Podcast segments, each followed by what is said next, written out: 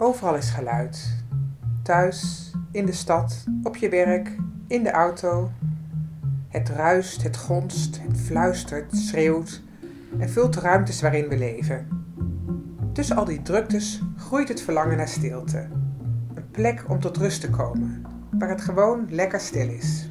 Mijn naam is Anne Staal en in deze podcast zoek ik de stilte op. Dat doe ik samen met beroepsstiltenaars. Dat zijn mensen die manieren hebben gevonden om stilte te creëren op onverwachte en soms zelfs chaotische plekken. Samen tasten we de grenzen van de stilte af. Waarom doen we zo moeilijk of juist zo makkelijk over stilte? Hoe kan je stilte verkopen? En zijn we eigenlijk op zoek naar stilte om ons heen of stilte in onszelf? Eén ding is zeker: geen enkele stilte is hetzelfde. Dat hoor je in het uur stilte dat ik op al die plekken heb opgenomen. Deze podcast gaat over stilte op Schiphol. Het zal je misschien verbazen, maar er bestaat een stille plek op de enorme grote en bedrijvige luchthaven. Het is een uniek stukje Schiphol, want op geen andere luchthaven ter wereld vind je achter de security een stilteruimte, waar iedereen reiziger of medewerker met een persoonlijk verhaal terecht kan. Gerard Timmermans werkt in het stiltecentrum, waar ongeveer 60.000 bezoekers per jaar komen. Op deze drukke plek heb ik een gesprek met Gerard over hoe hij stilte bij zichzelf zoekt en welke alertheid hij wil ontwikkelen om reizigers in nood op een goede, rustige manier bij te staan.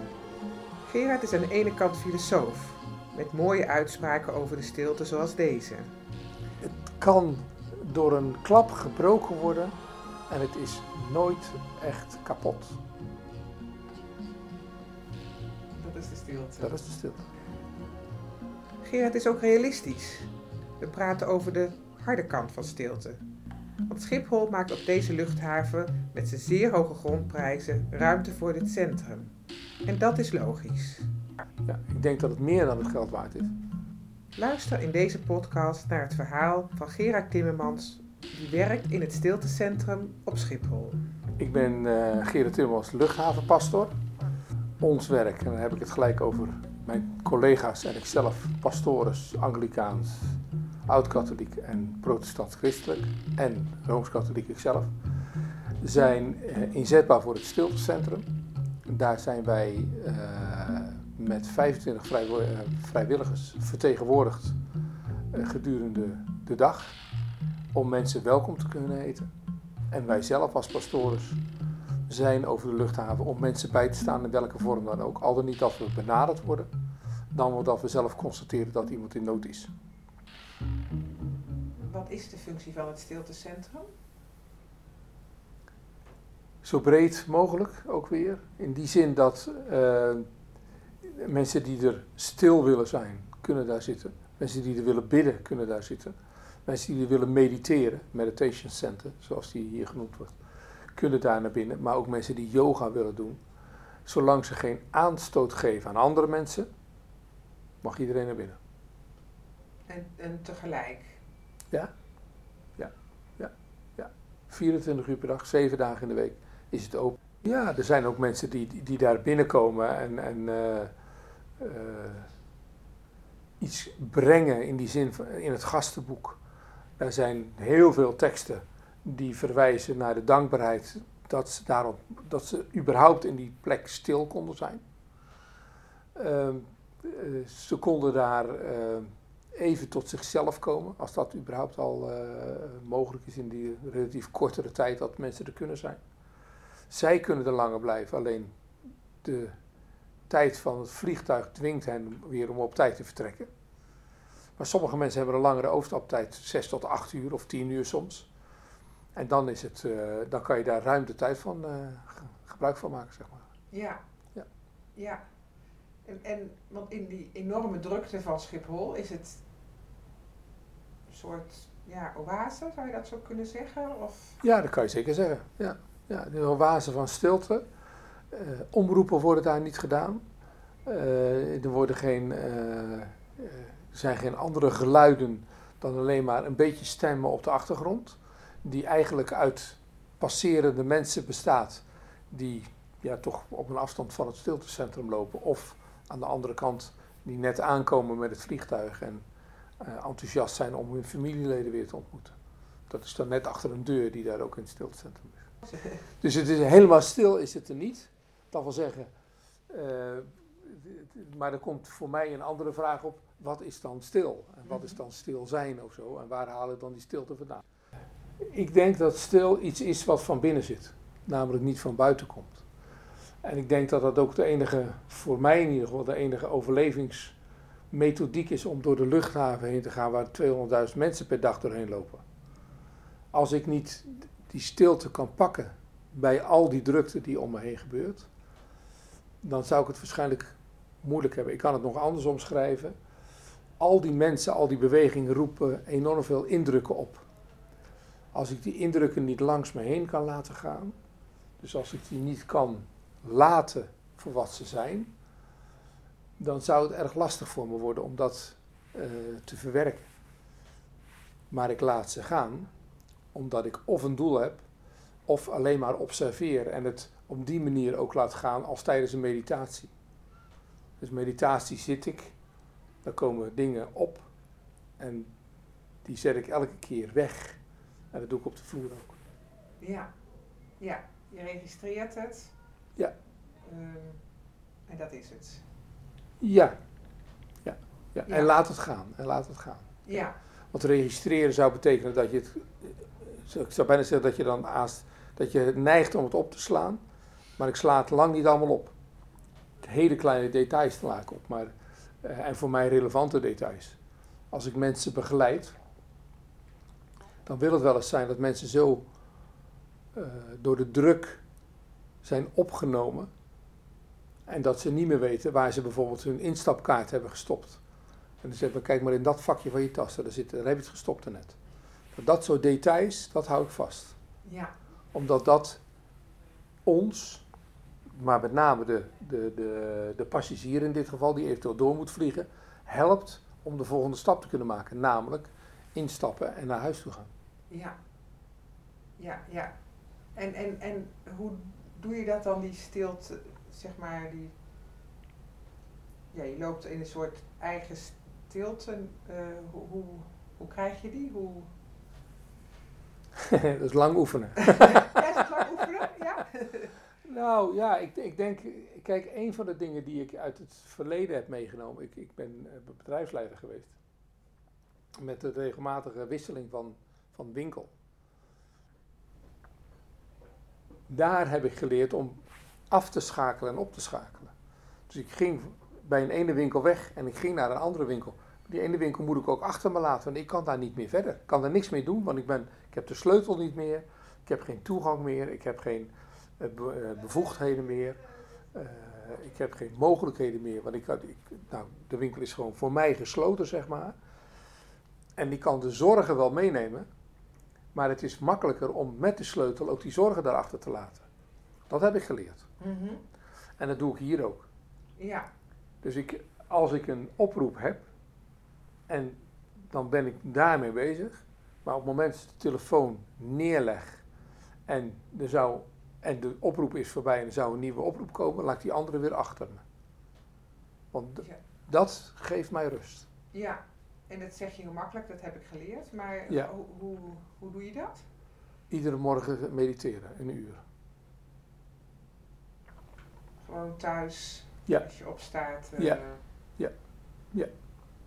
Ja. En, en, en wat gebeurt er in zo'n uur? Wat, Eh, het, eh, het heeft een eh, begin met, nadat ik opgestaan ben, met lezen. Scheren, tanden poetsen. En dan ga ik zitten, dan ga ik lezen.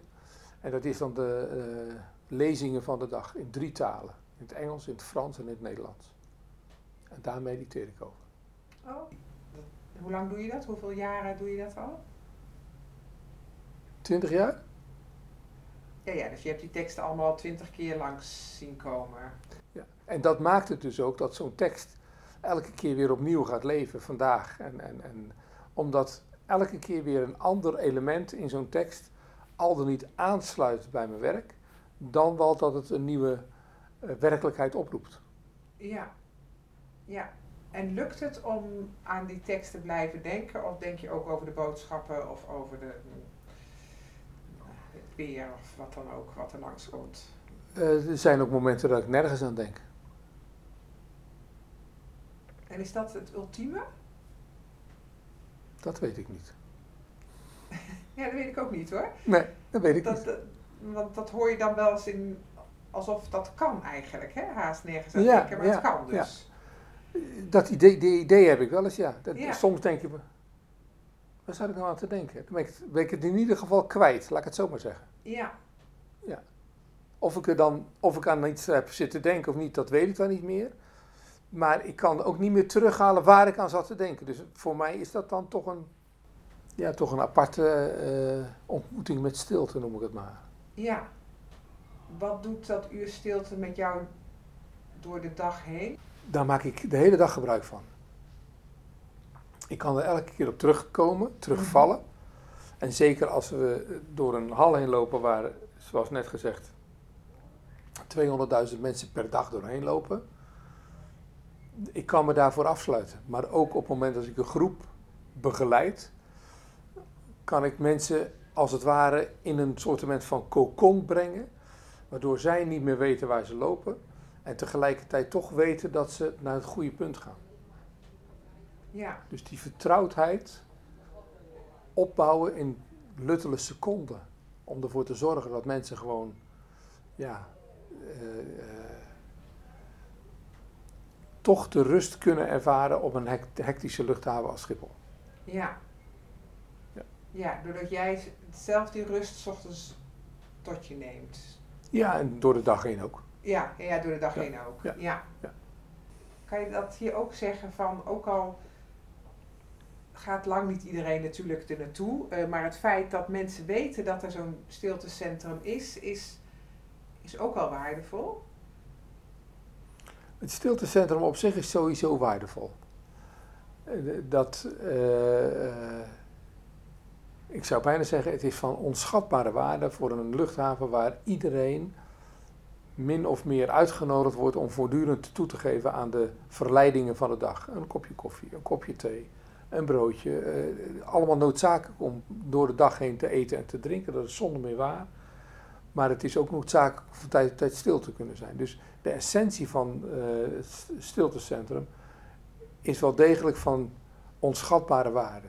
Tegelijkertijd denk ik dat luchthaven Schiphol, eh, al dan niet in de, in de vorm van een president-directeur of wie dan ook, nooit zal zeggen dat ze daarom een luchthaven hebben gemaakt. Toch vindt Schiphol het zo belangrijk dat ze in ieder geval weten dat ook die mensen aandacht moeten kunnen krijgen om eh, daar een plek te kunnen vinden. Het is bij uitstek voor mensen natuurlijk die langer op de luchthaven zijn dan alleen maar de mensen die vertrekken en aankomen. Maar met name mensen die dus overstappen, die hebben de behoefte, eerder de behoefte denk ik, om al wandelend door de luchthaven te ontdekken van hé, hey, hier kan ik even stil zijn. Daar heb ik wel behoefte aan. De, het, element wat het stiltecentrum heeft, is ook het element wat in ons werk naar voren toe komt: tijd. Maar een andere tijd dan de tijd die eh, alle medewerkers, de rest van de medewerkers, eh bezighoudt. Namelijk een passagier zo snel mogelijk en zo soepel mogelijk van A naar B te brengen. Iemand die vanuit Amsterdam hier op Schiphol komt, vervolgens in het vliegtuig stapt en dan weg is, die gaat een traject door. Die soepelheid, daar zijn allerlei mensen voor ingezet om dat inderdaad ook zo soepel mogelijk te laten verlopen. Maar op het moment als er maar een hele kleine kink in de kabel is bij één persoon, of misschien een groepje personen, en daar moet tijd aan besteed worden, tijd voor genomen worden, aandacht aan besteed worden, dan hebben wij die tijd. Enerzijds in het stiltecentrum, dat is er, dat staat er. En wij zijn ook 24 uur per dag bereikbaar om tijd te geven, tijd te gunnen aan diegene die daarom vraagt. En dat kunnen passagiers en wie dan ook zijn. Dus het is het geld waard. Ik denk, ik denk dat het het geld waard is, ja. ja. Ik denk dat het meer dan het geld waard is. aandacht aan de ander geven. En die aandacht, ja, daar is geen geld voor te vinden als het ware. Nee.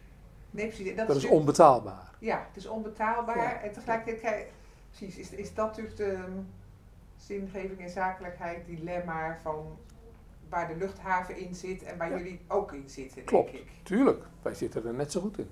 Ja, Ik hoef de gastenboeken maar open te slaan en dan kunnen mensen zien dat de stilte nuttig is.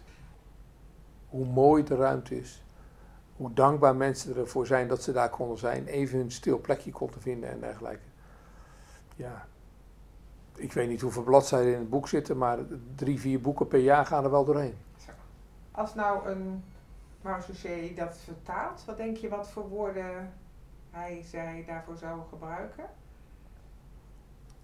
Je neemt ons veel werk uit handen. Zij kunnen doorgaan met hun werk.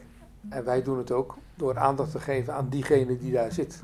Ja, Die daar staat, die, die, die vastloopt, die niet verder kan, wil, onthand is, noem maar op.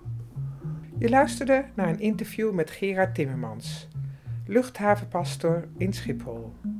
Natuurlijk heb ik op deze plek ook een uur stilte opgenomen. Die hoor je in een andere aflevering van Lekker Stil.